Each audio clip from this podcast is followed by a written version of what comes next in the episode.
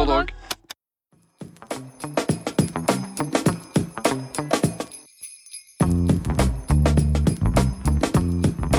Det er krig, og for å slippe nøden i storbyen blir to unge brødre sendt til sin bestemor på landet. En bestemor som er avskyelig, møkkete og ondskapsfull. Som lærer dem at livet er hardt. For å overleve krigens grusomhet sørger brødrene for at de tåler fysisk og psykisk smerte. De lærer seg å være hensynsløse, harde, milde og hjelpsomme, alt ettersom situasjonen krever det. Sånn lyder en slags beskrivelse av bøkene vi skal snakke om i dag. Det er disse tre bøkene. 'Tvillingenes dagbok', 'Beviset' og 'Den tredje løgnen'. Alle av Agota Kristoff. Og Agota Kristoff hun var eh, opprinnelig fra Ungarn, eh, men hun bodde store deler av sitt liv i Sveits, og hun skrev på fransk. Eh, Hun, Som ung kvinne flyktet hun med sin ektemann og sin datter til Sveits under den ungarske revolusjonen i 1956. Og det er mye av dette som hun skriver om. Dette med flukt, og det å finne seg et nytt hjem, og det å overleve i forferdelige tider. Hun jobbet i en fabrikk i Sveits som hun senere skulle si følgende om. Det hadde vært bedre med to år i sovjetisk fengsel enn fem år i en sveitsisk fabrikk. Disse bøkene har inspirert veldig mye. Det har blitt laget filmer, det har blitt laget teateroppsetninger. Det har også inspirert et veldig populært japansk spill som heter Mother 3. Og det som er litt spesielt med disse bøkene, er at de har fått en slags ny vår. Ehm, fordi de ble jo egentlig gitt ut på 80- og 90-tallet og gjorde det ganske bra. Det ble vel lagd en film allerede på, på 80-tallet også. Men så, i Norge i 2019, så ble de relansert. Og da ble ja, de ble sensasjonelle. De gjorde det kjempe, kjempe, kjempebra. Og i dag, selv eh, fire år etter, i 2023, så er bøkene til stadighet utlånt, og du må sette deg på venteliste på bibliotekene, i, i hvert fall i Oslo og Bærum. Så det er tydelig at dette her er bøker som tar opp eh, tidløse temaer. Og det er det og mange andre ting vi skal snakke med dagens gjest om. Og den gjesten, det er ingen ringere enn Lan Marie Berg. Du hører på Boka er bedre. Mitt navn er Andreas Weier Aasbø.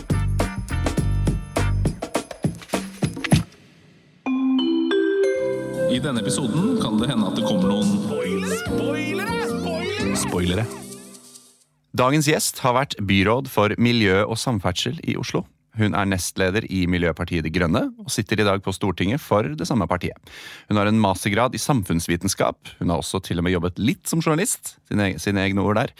Hun har jobbet i Cicero senter for klimaforskning og har til og med bodd og jobbet på den bitte lille stillehavsøya Tuvalu for å dokumentere nettopp klimaendringer her, for det er en av verdens mest utsatte øyer for klimaendringene. Velkommen, Lan Marie Berg. Tusen takk. Veldig spennende å få komme hit. Ja, det er veldig hyggelig å ha deg her. Nå, eh, det er så mange, du har så mange meritter, og det er eh, Cicero, og det er mye jeg må si riktig. Men er Tuvalu, eller tu, Tuvalu?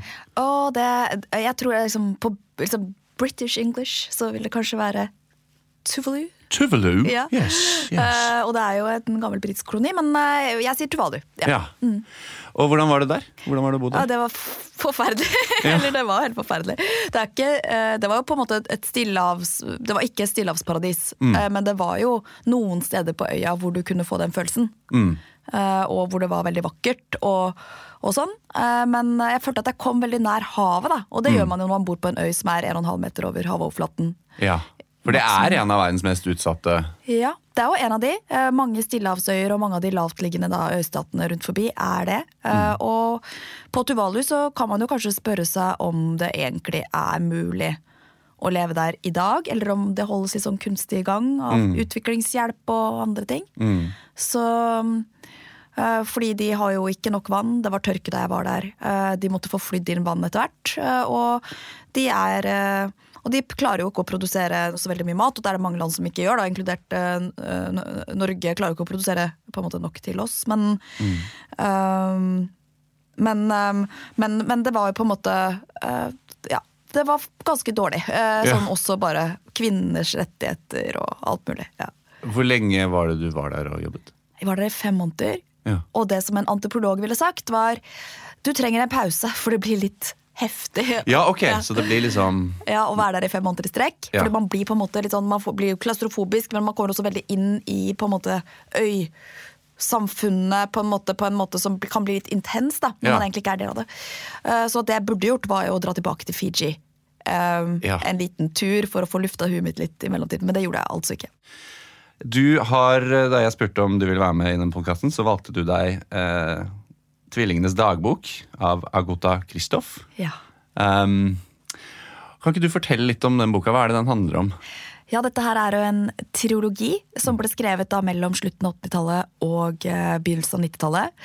Og det handler da, Tvillingenes dagbok er den mest kjente og, eh, delen og den første boken i trilogien. Og den handler om eh, tvillinger som vi ikke får vite hva heter, men som eh, gjør og sier det samme, og som blir plassert hos bestemoren sin. Eh, under en krig i et land som vi ikke får vite navnet på. I en by som vi egentlig ikke får vite navnet på. Så det plasseres ved å ta de grepene, så plasseres det på en måte, en måte sånn, litt sånn universelt. At man tenker at det kunne vært en hvilken som helst krig, og at det handler litt om hvordan barn kan oppleve krig, og hva slags grusomheter som skjer i en krig. da, For de opplever jo veldig mye grusomt. Ja. Overgrep og uh, krigens på en måte grusomheter. Hun bestemoren som de bor hos, er ikke spesielt verken renslig eller snill.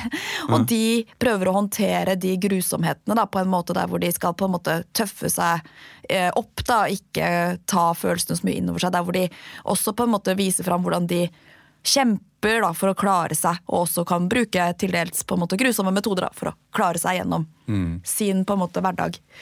Og mm, det blir jo litt tydelig gjennom boka at det sannsynligvis er et land i Øst-Europa eh, som eh, handlingen er satt i. For at eh, etter hvert så snakkes det jo på en måte om at det er på grensen til et annet land. Ja. En annen verden, på en måte.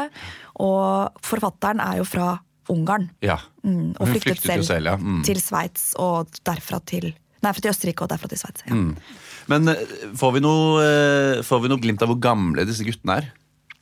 Det tror jeg man får Og nå husker jeg ikke 100 da, men man får liksom en følelse at de er ikke Altså sånn mellom åtte åt, ja, Kanskje de sier det, men jeg husker ikke. Men det er sånn mellom åtte og tolv eller et eller annet sånt. da. Uh, Ja. sånn, fordi de, de, er jo de er ganske unge, rett og slett. Ja, de er veldig unge, og de øh, og, og hun skriver jo, det som er spesielt med boka, er at den skrives på en sånn veldig sånn øhm, deskriptiv måte. Altså, de, vil, de vil liksom ikke analysere, de vil ikke gi sin analyse av situasjonen. De bare skriver hva som skjer, og hva tvillingene tenker og da gjør. på en måte, Ja. uh, For å håndtere situasjonen. Så det blir veldig hardt. Ja. Og det er jo kanskje det som uh, preger også boka. Den er intens, det er liksom hardt. Og den korte fortellerstilen da, gjør at grusomhetene som beskrives, blir mye mer grusomme, da, på en måte. Ja, Enn at hvis de hadde blitt beskrevet veldig som blomstrete poetisk språk Ja. og gått veldig inn i detaljene. Og sånn, liksom. nå følte jeg det, eller å, Ja. det var forferdelig. Men det er mer sånn, øh, nå skjedde det, og så skjønner du at det bare er helt forferdelig for øh, små barn å oppleve. Eller Så vi får aldri noe innblikk i hva de eh, selv tenker og føler, eller gjør vi det? Jo, det er på en måte deres fortellerstemme, men de er litt sånn øh, De er veldig korte Ok. eh, i hvordan de beskriver det, og det er veldig deskriptivt. Og det er også på en måte, De skriver jo dagbok Mm. i boka. eh, på en måte. Og det er det de også sier, at de ønsker å, at de ønsker å skrive på den måten. Ja. At de ønsker å fortelle hva som har skjedd, men ikke legge Føre på protokoll, nesten, Ja. over grusomhetene. Litt sånn. Eh, Men så begynner det å bli litt sånn men er, dette, er fortelleren egentlig helt eh, til å stole på her? Mm. Fordi det skjer jo mye rart i boka. Det er litt sånn Ja, moren kommer på trappa med en lillesøster, og så slår det ned en bombe akkurat der. Og så dør hun i hagen deres, eksempel. Mm. Som er litt sånn rart. Og så er det en del andre liksom, litt rare hendelser som du blir sånn i stuss som Kan det egentlig ha skjedd sånn? Er det litt for utrolig? Ja. Og, og, så, og, da, og det er på en måte Så man får liksom en litt sånn gryende følelse av at kanskje ikke fortelleren er helt pålitelig, da. For du sier fortelleren, Er det en separat person fra de tvillingene? Eller er det, tenker du på tvillingene som Tvillingen som forteller, da. Ja, ok, at som- de ikke er helt til å stole på. Ok, Så det, man blir usikker på om de utelater informasjon eller rett og slett lyver? Ja, Aha. og hva, slags, om, hva, hva historiene er, på en måte. Ja. Og så blir det jo rart, for det som skjer da, det er to andre bøker. Ja. Mm. Den andre boken heter Beviset. Den tredje boken heter Den tredje løgnen. Ja. Og og så blir man på en måte noen, og flere jeg har snakket med, liksom sånn når de leser den første boken, så bare «Å, nå orker jeg ikke mer. Liksom. Det går ikke. Jeg må bare slutte. Må bare, det går ikke. Det er, det er for fælt, fordi det er jo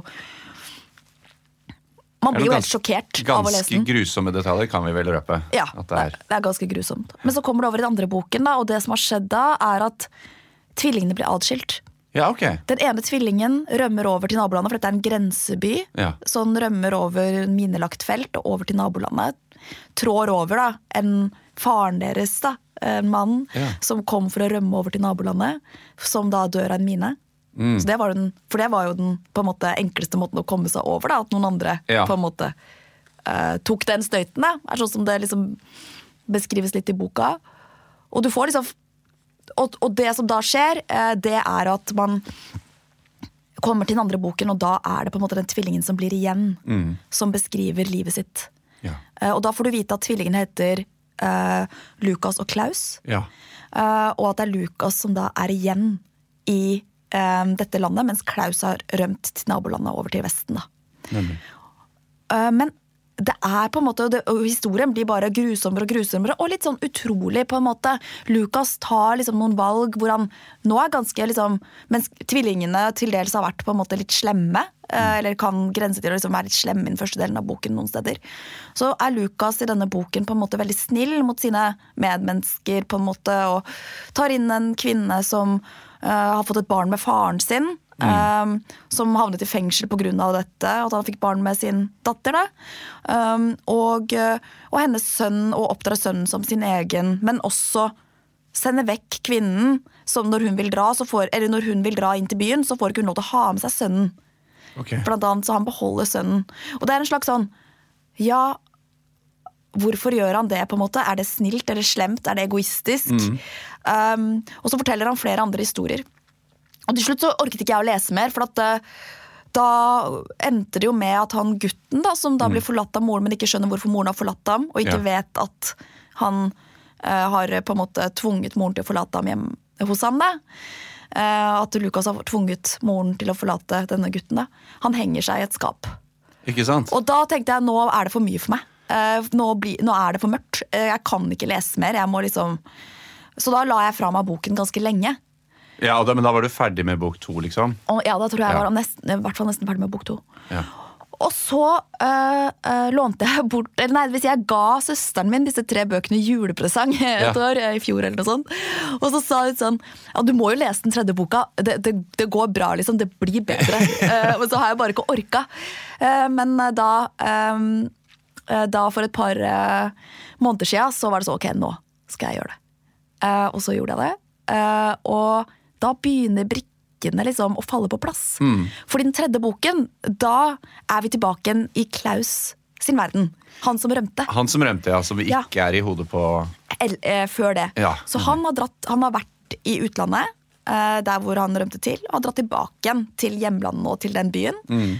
For å skrive bok, og fordi han ønsker å være der. Han ønsker å finne broren sin. Men blir de, altså, Er det mye tid som passerer her? I, ja. Så de blir voksne, disse Ja, gutta? De blir voksne. Nå har det passert en god del tid. Ja. Men så begynner han å fortelle om på en måte en barndom på et bar... På et, altså det, det begynner på en måte å komme flere forskjellige historier som du blir litt sånn forvirra av.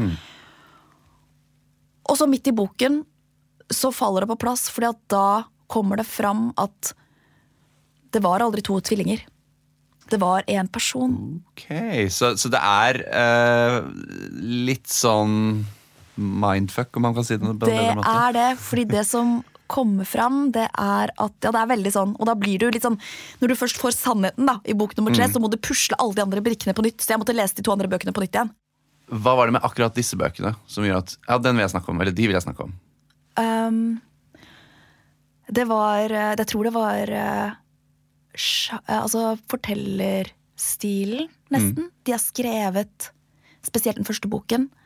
Men også de andre på en måte er skrevet på en veldig spesiell måte, da, med korte setninger, beskrivende, veldig Ja. grus, beskri, altså veldig sånn øh, nøkterne beskrivelser av veldig grusomme ting, da. Um, som gjør bøkene veldig intense som leseropplevelser. Men som også jeg tenkte at tilførte noe til den faglitteraturen da, som Ja. jeg har lest, og som mange leser om annen verdenskrig og, og, og krigssituasjoner og den type ting. da. Fordi, ja, det er jo uh, Dette med akkurat dette med krig og flukt vil jo være nest, altså er jo veldig ofte aktuelt, men spesielt kanskje nå med, med Ukraina. Ehm, er det, er det litt er, Tror du det henger altså, Hvordan var det å lese den siste boka, om ikke det var alle du fikk lest, under liksom med den invasjonen i, yeah. hengende over, liksom?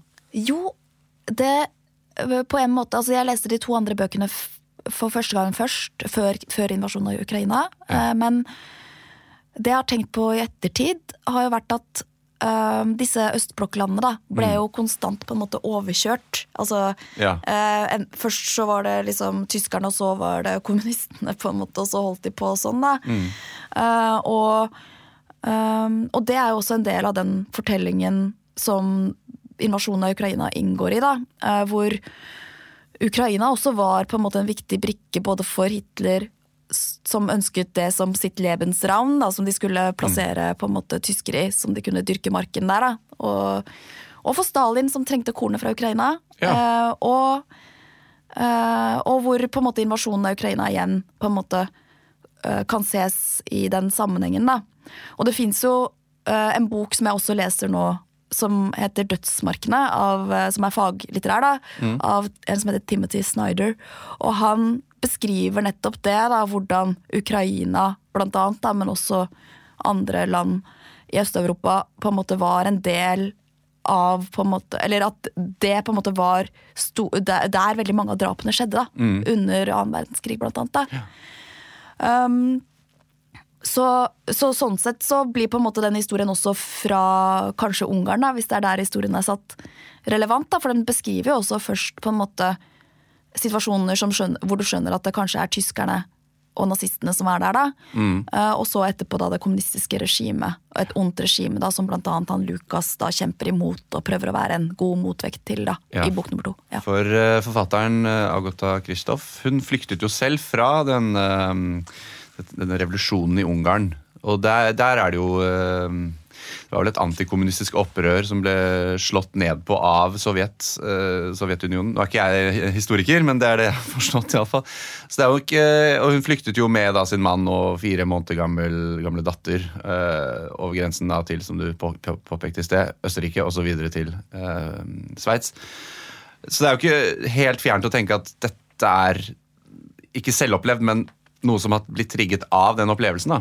ja, Får du følelsen av å lese de bøkene at dette er skrevet av en som vet hvordan det er å være på flukt? Ja, eller å bo og leve i krig. Ja. Uh, og det får jeg veldig følelsen av. Så jeg fikk jo veldig den følelsen etter den første boken spesielt, at dette var et veldig sånn sterkt vitnesbyrd av hvordan Eller hvordan det kan oppleves for et barn uh, å være i, liksom, leve i krig, da. Jeg eh, har et litt sånn sitat, og så har jeg lyst til å høre hva du tenker om det. Um, uh, hva skal man kalle han? Filosofen, uh, kulturkritikeren Slavoj Zizek fra et annet uh, land på, i Øst-Europa, Slovenia. Han har sagt at tvillingenes dagbok fikk ham til å oppdage hvilket menneske han ville bli.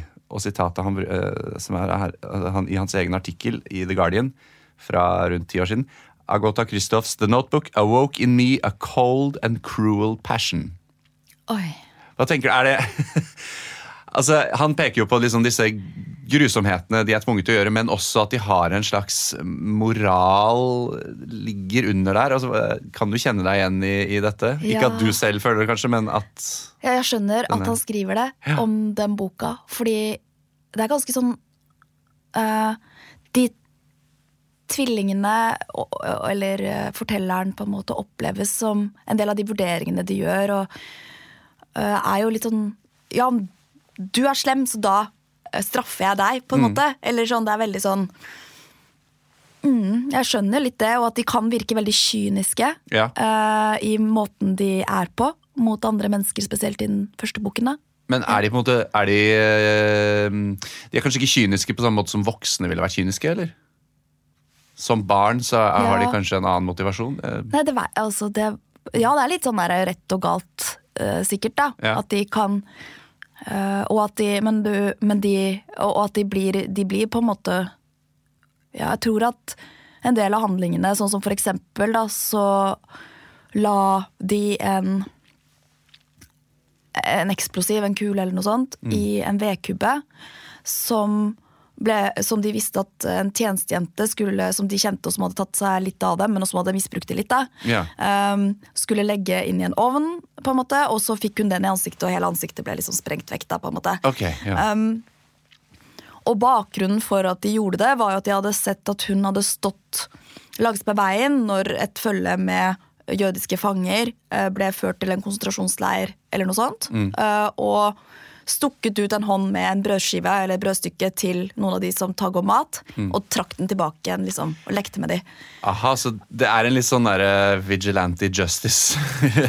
At de ser urett, så da bruker de brutale midler for å Ja, det er noen eksempler på det. Ja, Ja. dette er jo denne cold, cruel passion, da, kanskje Zizek er borti.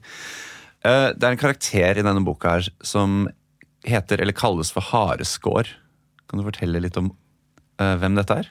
Ja, dette her er en uh, jente som jo har hareskår, og som bor i Som er det å å Å ha sånn kløyvd leppe. kløyv. Ja, mm. Um, og hun bor da i denne byen uh, og er veldig fattig, uh, men også veldig ensom. Og tvillingene beskriver at de ligger og observerer henne mens hun Det er helt forferdelig, mens hun får hunden deres til å stikke seg, og etter, okay. etter det til å voldta s- Eller at hun voldtar en hund, da, på en måte. ja. Uh, og så seinere så uh, beskriver de hvordan de andre i landsbyen uh, plager henne. Og hindrer henne fra å få rent vann, spytter i vannbøttene hennes, og hvordan de da forsvarer henne. Så Men de også- forsvarer Hareskår, da? Etter hvert, men de lar henne liksom få kjempe litt, og spør hvorfor ikke hun kjemper for seg sjøl. Ja, ok. Men de forsvarer henne når de andre trakasserer henne og prøver å få henne til å gjøre Altså, seksu altså sånn, de, de, de trakasserer henne seksuelt også, da. Ja. Og så Og så etter hvert, da, og nå husker jo ikke jeg hvilken som er hvilken bok, og sånn da, men etter hvert så er det dårlige tider. da, Det er krig, og det er sult, og de er sultne og kalde, og hareskår, og, og damen hun bor hos, muligens moren hennes, um, har det veldig dårlig. Og da går faktisk Lukas da til presten, uh, som har litt ekstra penger og gir det til de fattige, og krever at han gir penger til de, og truer presten Ja. uh, med uh, at han kommer til å avsløre at presten har misbrukt hun jenta da, hvis han ikke gir penger til de. Så da gir presten penger til dem. ja. Uh, men til slutt så er det jo også helt forferdelig, fordi Hareskår dør når de um, sovjetiske soldatene kommer. uh, så uh, inviterer hun dem inn til å voldta seg, for da var det endelig noen som ville ha henne. Ja, okay. Og hun dør når av, av, av det, da. Ja. Ja. Ja, det er, dette, det er dette komplekse moralske kompasset til disse tvillingene kommer igjen, hører jeg. For det er liksom det de ser på Altså, de har dette Plutselig mener de at noe er rett, og da må de inn og beskytte henne, men det betyr ikke at de behandler henne noe pent. Nei. Så det er et veldig sånn, Og så er det jo dette med Jeg hører du snakker om at presten gjør forferdelige ting. altså Det er liksom som om ting er snudd helt på hodet. da. Så det er både snudd på hodet, og så endrer karakterene seg gjennom historien eller gjennom bøkene, og så veit man ikke helt For etter hvert så blir Lukas og presten venner, og så først så truer da Lukas presten til å gi, pe eh, presten til å gi penger til disse, denne familien. Ja. Og er ganske på en måte direkte og, og, og, og, vanskelig, på en måte. Eh, og så uh, Og presten opplevde ham sikkert som litt slem. Yeah. Uh, og så eh, og så, og så blir de venner, og så spiller de sjakk, og så tar Lukas vare på presten. Okay. eh, til han eh, på en måte blir sendt vekk, da. Og når presten blir fattig etter hvert som kommunistene tar over, og han mister statusen sin. da. Det høres jo litt ut som det er at Det er nesten som å ville beskrive at liksom her er, er alt elendig. Alle har det litt elendig, rett Det og slett. er ganske mye elendighet, altså. Og det er sånn at du blir, Man blir satt ut Ja. av en del av de fortellingene, sånn som den første delen da, av at hun hareskår får hunden til å Ja. uh, slikke seg, og at hun, at, uh, at hun etter det får hunden til å liksom Mm. uh, ha sex med henne, da. på en måte. Og og at hun er så ensom, da. At, det, at grunnen til det er at hun ikke føler at noen vil ha henne. ja. Så hører jeg også at eh, det er ikke nødvendigvis det er noen, hvis man er opptatt av at man skal ha noen å på en måte eh, sympatisere 100 med og kunne gå god for handlingene til eh, noen karakterer, så er det kanskje ingenting å hente der. Nei, så kanskje jeg vet ikke, kanskje er moralen at vi alle er litt slemme, da? Jeg vet Ja, ikke I vanskelig, virkelig vanskelige tider. Ja, Ja. jeg vet ikke. Eh, Men, men Haresgaard, eh, er, er hun Hva slags person er dette her? Du sa at hun, har, hun bor hos en kvinne. altså Jeg vet ikke helt om det er moren, typ. Eh, Men er hun et offer? Altså, hvordan, hvordan ser du på henne? Ja, jeg har tenkt på henne som et offer. Mm. og jeg har lurt på på en måte Har lurt på i hvilken grad hun på en måte var helt øhm, Om hun hadde noen utfordringer, da. Ja. uh, som gjorde at hun uh, utagerte på den måten som hun gjorde. Um, Men det er ikke sikkert de tvillingene ser, for de er så unge. ja, De, ikke, de har nei. ikke det perspektivet, ikke sant? Så, mm. Nei, det er ikke det. Det er ikke sikkert at de ser det. Um, så, men jeg tror jo at eh, den fortellingen om Ja, Hareskår handler jo litt om det samme som egentlig fortellingen i hele triologien jeg tenk, ha- handler om i mitt hode, da. Som er mangelen på kjærlighet. Lengs, lengselen etter å bli på en måte eh, ja, sett, da. På en eller annen måte. Men så har jo hun et helt annet utløp for det enn det som tvillingene har, da. Ikke sant? Mm. Ja, det er interessant. Um, altså, du har jo i din egen familiehistorie også uh, flyktning Altså din far var flyktning til Norge fra Vietnam. Um, er, det, er det noe som har preget din lesning? Ja, så eh, eh, Det er liksom et eh, det, det har, jeg har nok Eller jeg tenkte ikke på det at det var derfor jeg ville lese den boken her. Eller jeg har ikke tenkt på det i den konteksten da, på en måte tidligere. Men øh, når du eller når jeg så at du hadde eh, skrevet det spørsmålet da, på forhånd, som du sendte på forhånd, så tenkte jeg litt sånn ja, øh, ja, men det har jo på en måte paralleller. Eh, fordi faren min var eh, han, han ble skada i Vietnam, han var foreldreløs, eh, og han ble sendt til Norge for å få medisinsk behandling, så han var også veldig aleine i verden. Da. Ja, Litt på samme måte som Ja, Lukas, kanskje. ja øh, ikke sant? Så det har jo noen paralleller, men jeg har bare ikke tenkt på det. Um, men jeg er veldig opptatt Jeg har jo hele livet vært veldig opptatt og interessert i både krigens grusomheter, da, hva mennesker kan finne på å gjøre mot hverandre, og hva det gjør med mennesker. Å være i en situasjon i krig, så har vært veldig på en måte, opptatt av å lese om annen verdenskrig og, og de menneskelige skjebnene der, da. Um, men, men også på en måte generell flyktning uh, på en måte flyktningproblematikk, historier, skjebner, da. Um, og hva som Om jeg hadde vært det, om jeg ikke hadde hatt den bakgrunnen, det er vanskelig for meg å vite. Det er veldig vanskelig Ja. å si, men uh, man kan jo kanskje spekulere om alle vi mennesker har jo vår, bringer jo vår bakgrunn til eh, det vi ser på, det vi leser, det vi, eh, ja, det vi driver med. Ja. Um, men um, altså, lurer jeg på sånn, for denne boka her har jo levd liksom to liv. Den har, uh, den slo an, den var ganske populær da den kom, på 80, eller disse bøkene da de kom på 80- og 90-tallet, men så fikk den en skikkelig sånn relansering i 2019 her i Norge da eh, og ble kjempepopulær. Altså, dette er også et sånn spekulativt spørsmål. Hvorfor, hvorfor, det er ikke så veldig mange bøker som får den andre våren der. Hvorfor tror du den, de har slått an på nytt sånn som det i, i denne tiden igjen? Liksom? Kanskje fordi den er så tidløs. Ja. På en måte At den er skrevet tidløst. Den er ikke satt i et år eller et sted. Så da kan man applikere på en måte fortellingene eller mhm, eh, ja, skjebnene da, til hvor som helst, kanskje. Um, og så er det et veldig så er, det, så er det et veldig spesielt språk, som sagt. Da. Det er en veldig spesiell sånn um, måte å fortelle på som gjør at du blir sugd inn i det. Så kanskje det også har noe Jeg tenkte, altså sånn jeg øh, undersøkte Da jeg begynte å lese det, så undersøkte jeg ikke øh, noe om boka. Så øh, da jeg leste den, så visste jeg ikke at den var gammel. Ikke sant? Så den kunne like godt vært gitt ut i 2019, for Ja. alt du visste. Ja. Ja. Og det uh, Ja. Når fant du ut det? Var det etter? Det? Det var ganske lenge etterpå. Ja. Uh, og så måtte jeg faktisk sjekke det opp på nytt før jeg kom hit i dag, bare for å være sikker. Fordi Mm. uh, Ja. For hun døde noen år før denne nye renessansen i Norge, iallfall. Hun Agatha, Christ, Agatha Christoph. Ja. Eh, Så hun fikk jo ikke oppleve akkurat den bølgen, da. Men jeg hadde samme eh, teori, eller jeg trodde det samme som deg. Da jeg fikk med meg at den ble lansert, så tenkte jeg å jøss, det hørtes spennende ut. Og så gikk jeg helt inn og trodde at dette var en ny, en ny bok av en eh, forfatter som jeg aldri har hørt om, bare. Men nei, så den har Det er jo litt interessant at den slår an så bra i, i flere æraer, liksom. Ja, det er det. Det er jo en veldig sånn Det er jo veldig tynne bøker, men det Ja. er det er veldig mye innhold, på en måte. Mm. Både i teksten, men også i de tankene det utløser. Da. Mm. Så kanskje det også er en del av det. Da, at det føles ikke så veldig uoverkommelig Nei. å lese dem. Men så blir det jo litt sånn Det blir veldig overveldende etter hvert. da. Ja.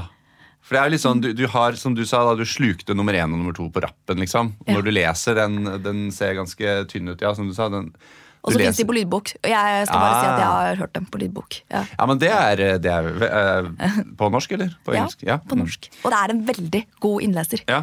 Hun, det er jo, al, altså sånn, det er jo det, En innleser kan på en måte løfte en bok og kan øh, ikke gjøre det, på en måte. Ja. Uh, og her så er det en innleser som passer veldig godt til boka. Jeg hører jo veldig mye på lydbok. Da kan jeg gjøre husarbeid samtidig, f.eks. eksempel. Eh, eller eh, jeg gjør det når jeg skal prøve å sove, eller den type ting. Du gjør det når du skal prøve å sove, ja? Ja. Men altså, stopper den? Altså, altså, Ja, Våkner sånn... du, og så surrer, suser det et eller annet eh, i bakhodet der? Eller? Nei, de fleste appene har sånn timer. Ja, de har selvfølgelig det. Ja. Så da bare Er du ikke redd for å gå glipp av noe, da? Jeg spoler alltid tilbake igjen. Så det er ofte at jeg må, liksom, jeg må veldig ofte på en måte spole tilbake 30 minutter. på en måte. Ja, ja, ja. Eh, men, eh, men Så det går bra. Ja. Ja, Kanskje dette er, er en sånn bok som Men får du ikke mareritt, holdt på å si?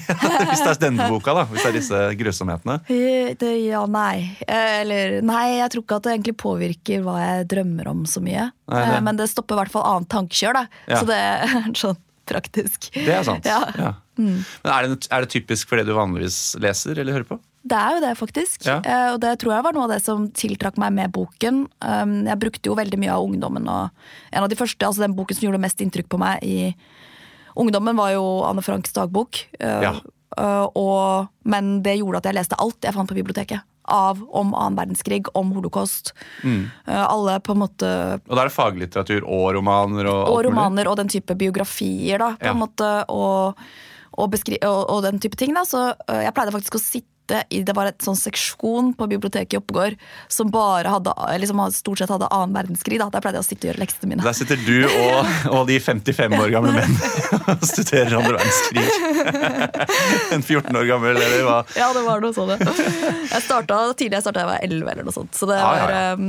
eh, Men uh, det uh, Ja, så, så sånn sett så på en måte Men siden jeg har lest veldig mye sånn faglitterært eller den type biografier som er mer sånn om personer, så uh, så ble jo denne her annerledes, da. Mm. En vei inn i skjønnlitteraturen på en litt sånn Eller sånn eller vei inn i det samme tematikken gjennom skjønnlitteraturen. da. Ja. Som, ja. Så det, er- det, men det går mye i det går mye i den type altså krig, litt elendighet, øh, flukt og altså er, er Ja. dette stikkord som Ja, og så får jeg sånne hangups, på en måte. Ja. Så akkurat nå så har jeg hatt litt på, på eh, Ja, litt på flyktninger, da. Mm. Um, så den siste boken jeg leste ferdig, eller hørte ferdig da, forrige uke, en som heter øh, De andre finnes ikke, det er bare oss. Ok.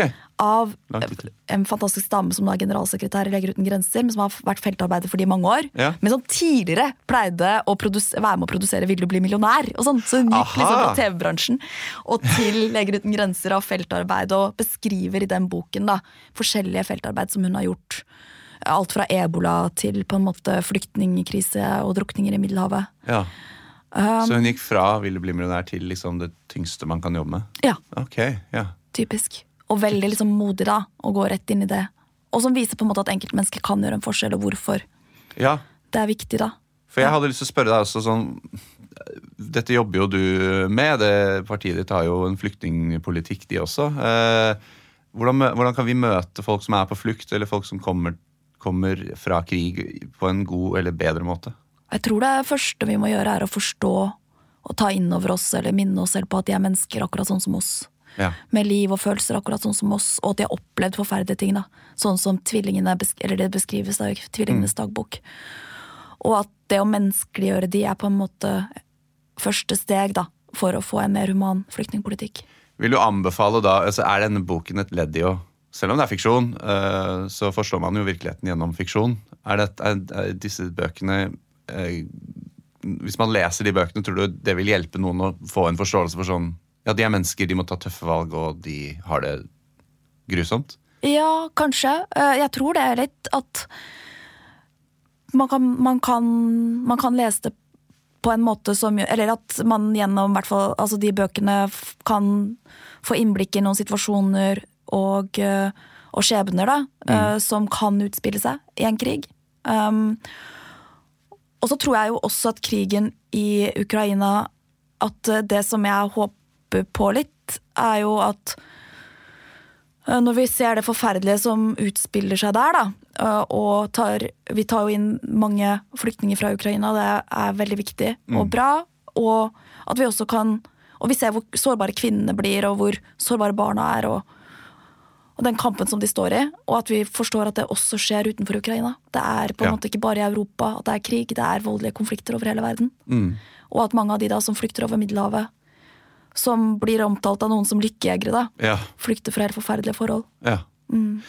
ja, for det jeg tenker på, er at liksom litteraturen kan være med å virkelig levendegjøre akkurat det at hva disse menneskene opplever, selv om det er som sagt, selv om det er en roman, da, selv om det ikke er et, eh, en dagbok. Ja, og selv om veldig mye av det som beskrives da, sannsynligvis da var på en måte ikke, ikke skjedde i boken heller, på en måte. At det var måter som Lukas prøvde å håndtere sine vonde følelser på og sine traumer på. Og gjennom boken sin, da. Så hvem, hvis eh, Du leser jo åpenbart mye. Eh, hvis noen kommer og sier på en måte eh, Lan, jeg trenger en bok. Eh, kan du anbefale en bok til meg? Hva slags menneske er det du ville anbefalt disse bøkene til? Oi, oi, oi. Nei, altså jeg leser jo veldig mye av disse på en måte litt sånn Det er, det er lite sånn eh, koselitteratur, på en måte, hos meg, da. Uh, men uh, jeg tenker jo at Så jeg, det er vanskelig for meg å si da. men jeg tror at alle Nei, ja. ja. Alle, alle kan lese disse bøkene. Men, men Vil det være for sterk kost for noen? Kanskje for barn, da. Ja, barn. Ja, barn. Jeg vil kanskje ikke anbefale det for barn. Og så må man jo på en måte ha et visst følelsesmessig overskudd da, Ja. for å, å klare å ta det inn over seg. Jeg ville jo ikke anbefalt det hvis man egentlig har lyst til å bli litt oppmuntra. Da skal man absolutt ikke lese disse bøkene. Mm. Ja. Uh, vi har vært litt inne på hva du leser i det siste, men sånn, når jeg sier uh, Men når jeg på en måte spør deg om uh, det siste litt sånn dritbra du leste, hva er det første som dukker opp da? ja, det må være disse bøkene her. Da. Det er jo på en måte, Jeg friska dem jo opp i påsken, så da var jo det det siste veldig bra jeg leste. på en måte. Ja. Men men det, med, nei, eller sånn, Den siste dritbra boken jeg leste, var den boken vi snakket om tidligere. Som Ja. er da De andre. De, De andre fins ikke, det er bare oss. Ja. Og den var veldig bra, fordi at hun Lindy Surum da skriver veldig bra. Og hun Og fortellingene er veldig liksom ja, gode og, og, og, og spennende, da, i den forstand at den beskriver situasjoner som vi har hørt om i media. Og forferdelige, forferdelige situasjoner, da, men som på en måte er viktig for oss å vite om. Da. Så ja. Lan Marie Berg, tusen takk for at du har vært med på Boka er bedre. Takk for meg. Du har hørt på Boka er bedre. Produsent har vært Felix Sullivan. Tekniker har vært Olav Nedberget. Boka er bedre er produsert av både og ved Stian Lettesier. Og mitt navn er Andreas Weier Osvold.